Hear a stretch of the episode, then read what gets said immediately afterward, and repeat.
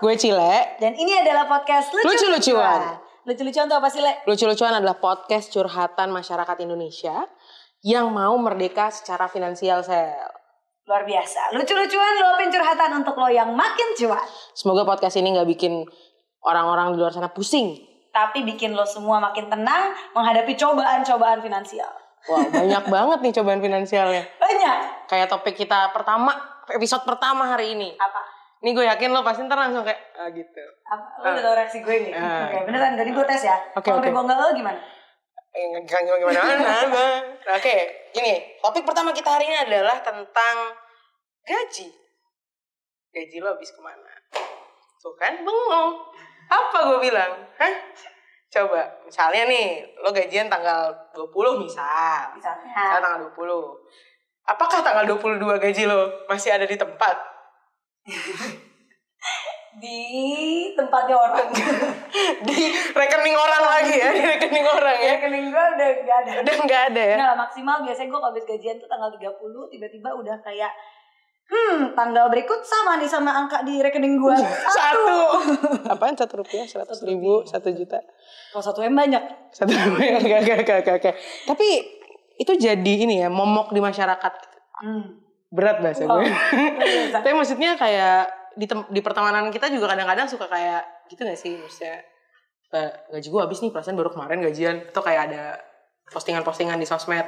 Lucunya omongan itu tuh selalu muncul setelah hura-hura bersama dengan teman-teman. Terus minggunya juga barengan gaji gue Hmm. ke mana gitu. Iya. Tapi apakah finansial kita, apa namanya, financial planning kita yang buruk? Gitu kan? Lu nanya sama gue. Salah ya? Sesat. Barusan gue nanya sama gue. Kalau lo nanya sama gue, gue nanya sama siapa? Nanya sama Nah, siapa? mendingan kita langsung tanya ke ahlinya saja. Langsung. Karena kita nggak akan bisa menemukan solusi kalau kita berdua yang ngobrol. Kita langsung nanya aja ke ahlinya nih. Hmm. Ya kan, kita Siapa sudah nih? kedatangan seorang wanita cantik. Gue langsung menurunkan nada bicara gue. Takut. Karena cantik banget. Cantik banget. Cantik banget kan. Gitu. Langsung kita Langsung kita panggil. Jeng jeng jeng jeng. Hai. Mbak Halo. Delisia. Mbak nih, Mbak, kakak. Ah, Deli aja. Deli Oke, aja. tante, nenek. Jangan tante dong. Jauh banget nenek. Oke, Nek, lanjut. Oke, apa kabar nih? Baik banget. Baik, sehat. Luar biasa harus sehat. Luar biasa harus. gue pengen lembut gitu ngomongnya Iya, ini kita luar biasa harus sehat. Gimana Oke. selama pandemi? Harus sehat. Cile dan Ica harus sehat. Oke, oke, oke. Kenapa, kenapa, kenapa, Aduh, kenapa? langsung berubah. Oke, Mindful. Oke. Gimana selama pandemi nih? Eh, sehat selalu, waras. Waras, em, sehat selalu. Banyak kan kerja di rumah karena kan masih work from home. Hmm. Jadi paling seminggu sekali ke kantor, empat harinya di rumah. Hmm, jadi kesibukan sehari-hari sekarang apa nih? Kerja. Lebih ke kerja aja sih. Paling kalau nggak kerja, kalau lagi off, ya biasa dengar-dengar podcast, ya dong. Keren ya. Nontonin YouTube, Netflix, nggak jauh-jauh lah. Eh, kirain karena kita mengundang Deli di sini, kalau lagi nggak kerja ngatur duit. Enggak ya? Enggak ya? Masa tiap weekend ngapain? Eh tapi nggak tahu sih gue. Enggak tahu lu, judgmental lu. Apakah Gue aja nggak ngatur duitan gue. apakah kegiatan sampingannya adalah oh ngeliatin uang gitu. Nah, udah kita lanjut dulu, kita lanjut dulu. Eh, jadi kan kalau misalnya sebagai seorang pekerja gitu ya, sebagai seorang karyawan, salah satu yang paling sering ini tuh kayak ini gaji masuk kok kayak cuma numpang lewat. Terus misalnya gaji udah naik tapi kok habis-habis juga gitu Ntar kan. dulu sebelum mulai curhat ada yang curhat. Oh gitu. Ada. Padahal gue udah pengen curhat panjang. Nanti sabar ya ada yang curhat. Ya, ya udah. Bacain dulu curhatan. Ya udah kita dengerin dulu curhatannya. Ada curhatan dari Lebah. Dari masuknya dari mana? Cerita dulu. Ini curhatnya masuk ke Instagramnya. Oh iya, jadi kita udah naro di Instagramnya @ruangmenyala. Nah ini ada curhatan dari sobat nyala sekalian nih. Oh, Kita dengerin dulu ya. Dari Soalnya kalau kita yang curhat ntar nggak selesai selesai. Kita dengarkan curhatan Lebah. Halo, kenalin gue Lebah. Gue fresh graduate dan kerja di startup. Seneng banget setelah bertahun-tahun dapat duit jajan doang nih dari orang tua gue. Akhirnya gue nerima duit besar dari hasil kerja keras gue sendiri. Cuma sekarang gue jadi ada masalah. Karena tiba-tiba gue dapat duit gede di akhir bulan, gue jadi ada rasa pengen belanja mulu. Rasanya duit cuma numpang lewat doang tiap bulan. Padahal gue dulu bercita-cita mau punya rumah sebelum umur gue 30 tahun. Setelah covid kelar, gue rasanya pengen banget liburan sih. Apa buat liburan gue bayar pakai kartu kredit gue? Apakah gaya hidup gue ini sebenarnya aman? Nah inilah ini ini Gue kayak itu gue yang curhat gak sih? ini Tapi gue yang curhat gak sih? pertama dapat duit Anak startup startup dapat duit. Nggak nih nih, dia kan sebenarnya udah pernah dapat duit, udah pernah punya uang, Uang jajan. walaupun uang jajan bentuknya orang ya, tua. bukan uang sendiri. Hmm. Tapi berarti kan dia udah bisa hidup dari uang jajan dia. Hmm. Terus kerja, duitnya lebih. Kurang juga. Hmm. Kejadian nih, kalau nanti dia pindah kerja lagi, kurang lagi. Iya iya Ya kan? iya. iya, Gitu aja iya, terus iya, kagak pernah cukup. Jadi sebenarnya gimana sih eh, menurut Lili nih cara ngatur keuangan yang baik tuh gimana sih? Sebenarnya mungkin mm, kita mesti back to basic dulu kali ya. Kita mesti kenalin dulu sebelum kita ngeluarin duitnya kan kita mesti tahu dulu dong jenis kebutuhan tuh ada apa aja. Hmm. Pasti dulu di SD kan udah diajarin ya kebutuhan primer, Diajarin kan? sekunder, Sekali. tersier. Iya udah singkatnya Iya. adalah kalau kebutuhan yang primer itu ya sandang, pangan, papan. Sandang berarti kan yang lo pakai, pangan yang lo makan, Mm-mm. papan ya tempat tinggal. Oke. Itu basic needs buat lo tuh bertahan hidup. Oke. Jadi itu primer. Kalau yang sekunder ya misalnya eh, hiburan. Hmm. Itu kan sebenarnya nggak ada hiburan pun lo nggak mati Hmm. harusnya ya. Gua nggak tahu nih lo mati apa enggak. Stres sedikit. Oke. Nah, terus kalau yang tersier itu adalah em, kalau kebutuhan primer, sekunder lo udah terpenuhi, baru tuh yang mewah-mewah. Hmm. Nah, jadi lo mesti tahu dulu nih kebutuhan primer, sekunder, tersier lo tuh apa aja. Hmm. Nah, abis lo tahu, baru lo mulai yang namanya mapping. Jadi kita punya yang namanya rule of thumb budgeting. Oke. Rule of thumb itu berarti prinsip yang uh, secara general, secara umum orang-orang tuh pakai dan udah terbukti akurat menurut um, experience experience orang lah ya. Ya. Jadi banyak kan 50% dari income lo, jadi income lo tuh berapa gitu kan per bulan. 50% biasanya uh, pergi ke needs yang lo tuh bener-bener butuhin. Jadi si primer itu kebutuhan primer. 30% harusnya pergi ke yang sekunder dan tersier. Jadi misalnya lo mau langganan TV kabel Hmm. atau lo mau membership gym gitu ya. Nah, itu sekunder tersier 30%. Nah, yang terakhir 20%-nya dari income itu lo harus alokasiin ke saving atau investment. Hmm. Jadi jangan pernah lupa nabung. Hmm. Jadi sekunder dan tersiernya itu cuma 30%. Hmm. jangan kebalik ya. Biasanya gimana? Biasanya nggak ada yang 20% kan? Nggak ada yang 20% kan? 50 50. Enggak. Rela untuk makan warteg aja yang murah. Jadi pengeluaran primernya kayak cuma 20%, sisanya sen- sekunder tersier. Nggak bener kan? Nggak bener. Boleh dilanjut Deli. Tapi itu sebenarnya contoh yang tidak baik. Ya nggak sih? Apa? Ya kayak lo gitu. I- Ih, justru karena, Karena ini itu ngobrol sama belajar. Ya, makanya itu kita belajar. Nih tadi Le, waktu dia ngomongin SD, menohok. Kapan gue belajar kebutuhan primer, sekunder, tersier? Ya tahu gue istilah itu. Cuman nggak masuk, nggak merasuk sampai jiwa gitu loh. Kita mungkin SD-nya beda. Kali sama dia. Terus di mana sih? Ya, Nggak, nggak, usah di sini nggak sih dibahasnya. BTW ya, BTW. Lanjut dulu ya. Ini kalau kita ngomongin SD-SD nggak kelar nih pembahasan utamanya nih. Tadi kan jadi udah ngomong soal pembagian itu 50, 30, 20. Hmm. Tapi sebenarnya eh, kita tuh nyatetnya pakai apa sih gitu? Iya. Kan sekarang udah digital banget nih. Sebenarnya penggunaan aplikasi untuk bantu kita tracking finansial kita tuh penting nggak? Terus eh, kebi- kebijakan, bijaknya gimana memakai si aplikasi? Atau kita ngumpulin nota, dicatat di buku kas akhir bulan gitu. Sebenarnya sih kembali lagi kepada tiap orang ya. Hmm. Ada orang yang budgeting itu dia dapat gaji terus dia udah langsung punya beberapa rekening nih jadi udah langsung nih dari Hmm. rekening gajinya dia udah langsung masukin oh sekian persen sekian jatah gue gue masukin ke rekening A rekening A ini budget buat uh, kebutuhan sehari-hari gue terus uh, sekian persen gue masukin ke rekening B untuk Hmm. si gue jajan-jajan Hmm. sekian gue masukin ke rekening C ya buat gue nabung ada orang yang kayak gitu Hmm. jadi kalau kayak gitu kan ya lebih kepada penggunaan dana di rekening aja Hmm. tapi kalau lo mau teliti banget, lo mau catat uh, semuanya juga nggak apa-apa. Bisa kayak yang tadi lo bilang pakai aplikasi. Atau kalau misalnya lo masih agak konvensional orangnya lo mau catat sendiri di notes gitu juga nggak masalah sih. Hmm. jadi tergantung uh, lo tuh cocoknya yang kayak gimana. Lo tuh tipe orang yang rajin nyatet apa enggak. Hmm.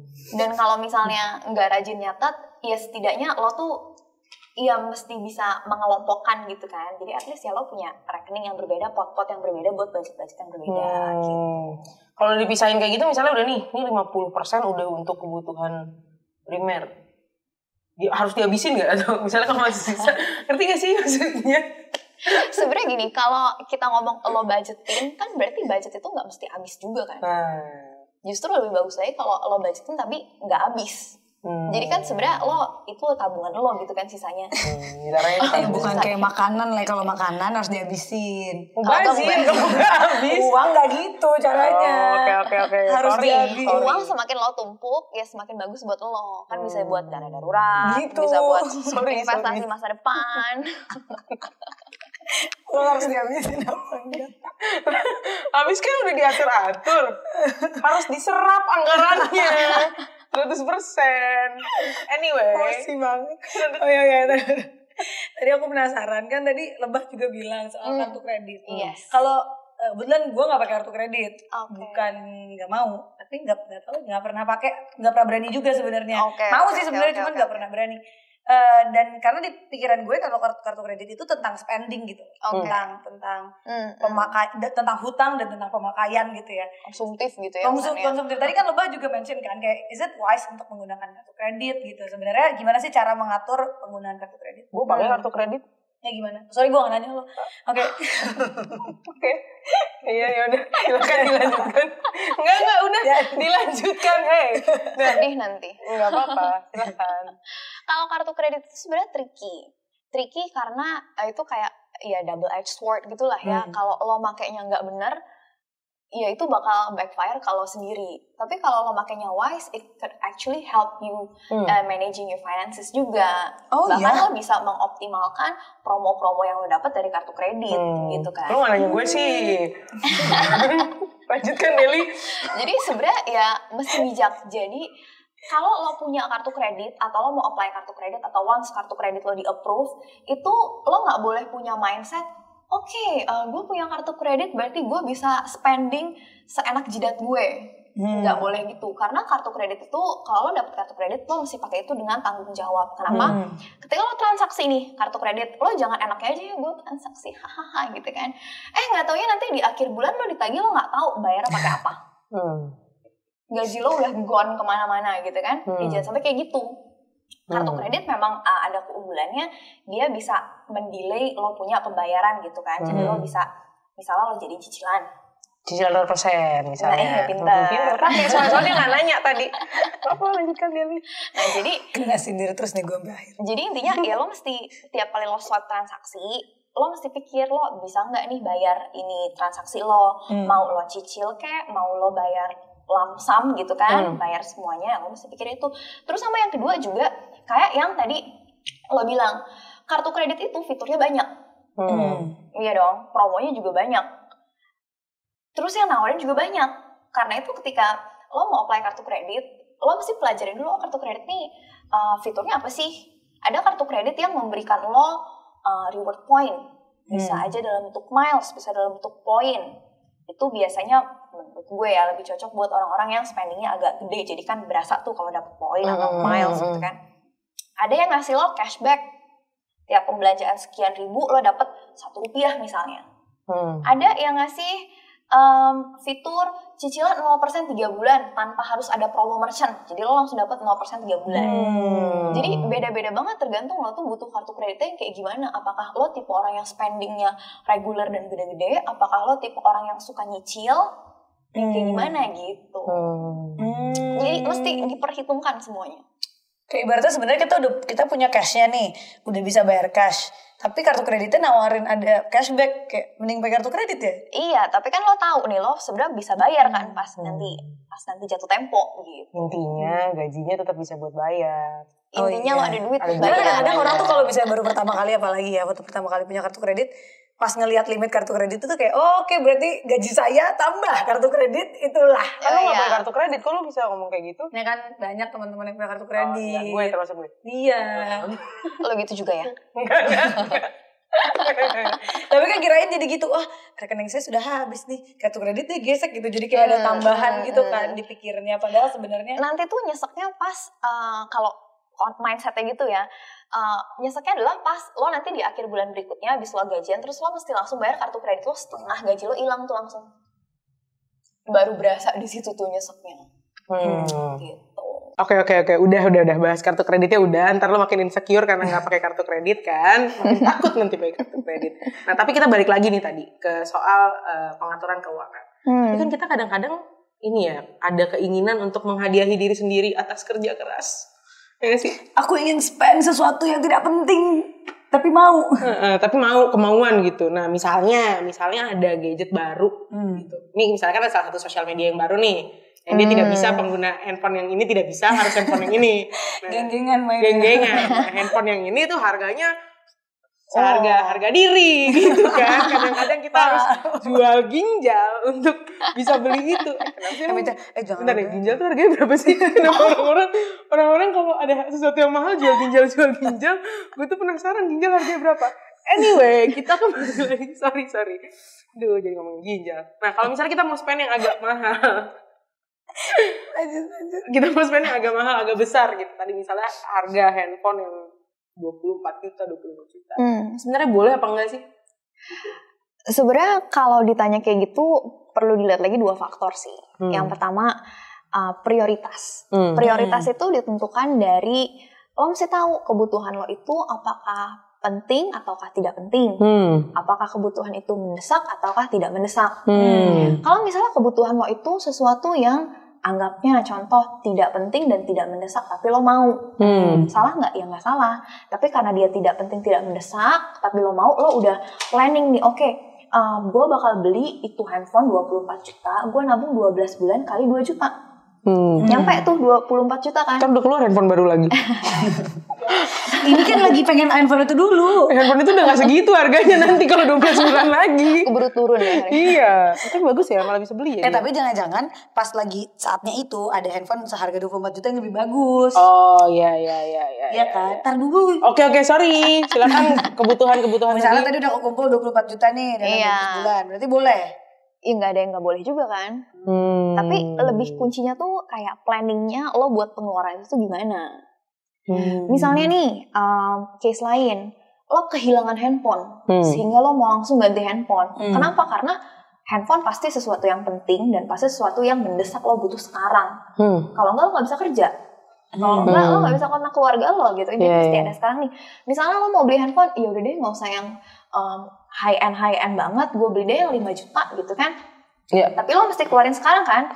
Nah itu pembayarannya gimana lo bisa bayar nggak? Misalnya, oh gue punya nih kartu kredit cicilan 0% 3 bulan. Saatnya lah tuh kartu dipakai gitu kan. Jadi 5 juta lo swap sekarang, tapi dibagi 3 bulan. Hmm. Nah, tapi jangan lo langsung mesti- ya. Lo mesti pastiin lo tuh bisa bayar tuh pas nanti tiap bulannya lo mesti pastiin bisa bayar. Taunya ntar malah minjem lagi ke orang. Iya buat Nggak usah bayar. Gitu nah, aja ngomongin masalah hal itu, itu pentingnya lo punya dana darurat. Hmm. biar kalau lo ada kebutuhan yang penting mendesak saat ini banget lo harus keluarin lo tetap punya duitnya itulah namanya dana darurat biar lo nggak minjem Hmm. mungkin itu nada topik lah ya Ya, soalnya mukanya udah penasaran. Nah, nah, iya. Dulu gue langsung kepikiran dana darurat. Dana darurat tuh tabungan gak sih? Ya, itu kayak kita cari yang lain lagi deh untuk menggali lebih dalam tentang dana darurat. Lanjut dulu. Oke, tapi berarti boleh ya? Berarti boleh kalau misalnya intinya boleh atau enggak? Ini pertanyaan gue boleh. Oh boleh apa enggak? Boleh. boleh Boleh, boleh dan sah sah aja Hmm. Hmm. Jadi kalau misalnya lo mau beli handphone, boleh menghadiahi diri sendiri, tapi jangan setiap saat menghadiahi diri sendiri. Emang ada ulang tahun tiap lo bulan? mampu Oh iya juga. misalnya gaji Lo lo kesalahan 100 paling juta gitu kan Gak berapa? misalnya gaji lo 100 juta per Hmm. bulan handphonenya 20 juta terus lo mau tiap bulan beli gitu kan Nah, ya udah sih. Masuk kebutuhan primer.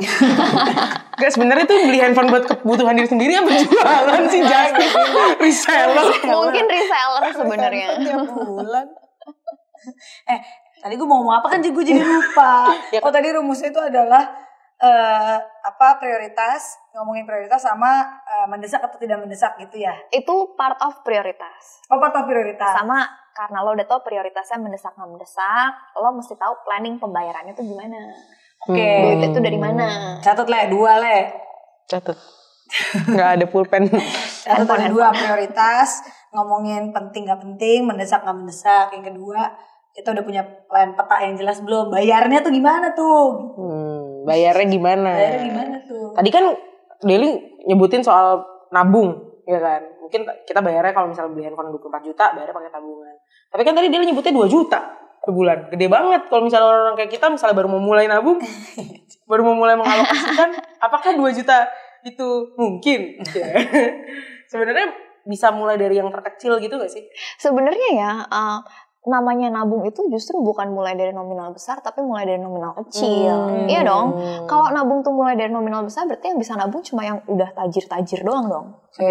Malah jadi kayak uh, defying the purpose of savings gitu kan. Harusnya kan savings itu ya lo mau gaji gede, gaji kecil, income gede, income kecil, ya lo bisa nabung. Jadi Hmm. nabung itu segampang ya 20 ribu per hari Hmm. tetap di termasuk Benar nabung. juga ya. kan? Dua puluh ribu per hari se Minggu seminggu 140 Hari ribu. tujuh. 140 ribu. Ya, Hmm, udah udah udah. udah nggak bisa kan hitung-hitungan lagi. Udah udah udah udah nggak apa-apa. Bener nggak apa-apa.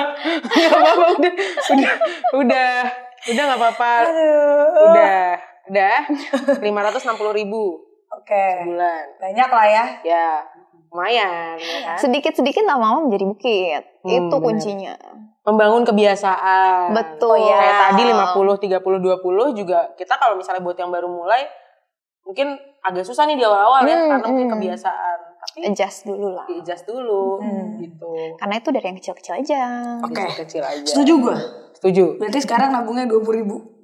Ya nggak apa-apa nggak apa-apa gue support Minimal, kan? minimal. Iya, minimal Minimal. Apa dong ya? minimal dua puluh ribu setuju kan Setuju. nah jadi kalau misalnya tadi kita coba recap sedikit obrolan kita Hmm. sama Deli ya di awal tadi ada lebah yang cerita dia dapat uang dari gaji terus tadi Deli cerita bagaimana tips dan trik mengalokasikan uang biar gaji nggak habis soalnya kalau misalnya ceritanya Isel nih katanya di awal dia sebenarnya udah ini kan Sel udah bisa pisahin kan Udah bisa Udah pisahin. bisa pisahin. Semua tuh udah dipisahin. Oke, dapat gaji, pisahin. Ini buat tabungan, ya kan? Ini buat eh spending, Hura-hura. harian, ya kan? Satu buat investasi, ceritanya kan udah dimasukin deposito gitu misalnya. Hmm. Iya, di akhir bulan nyatu. Pinter loh udah tahu deposito. Iya, tapi di akhirnya nyatu lagi. Jadi spending semuanya. Nggak ada itu semuanya. mereka tidak bisa dipisahkan nih Tidak bisa dipisahkan. Eh, social distancing gagal buat keuangan gue. Mm-mm, tapi kan akhirnya sekarang kita jadi belajar kan sama dari mudah-mudahan teman-teman semua juga belajar. Dan yang gue pelajarin tadi ternyata adalah kartu kredit bisa dipakai buat ngatur keuangan juga. Maksudnya bisa bermanfaat untuk pengaturan keuangan kita. Iya, tergantung ya kebijaksanaan. Harus Nah, jadi udah kan tadi dengar semuanya dari Deli dan semoga kita bisa mulai mengatur keuangan kita Dengan lebih baik. dengan lebih baik. Jadi yang mau kita bilang ke sobat nyala semua adalah Tidak ada yang tidak bisa. Sampai jumpa di episode selanjutnya. Bye. Bye bye.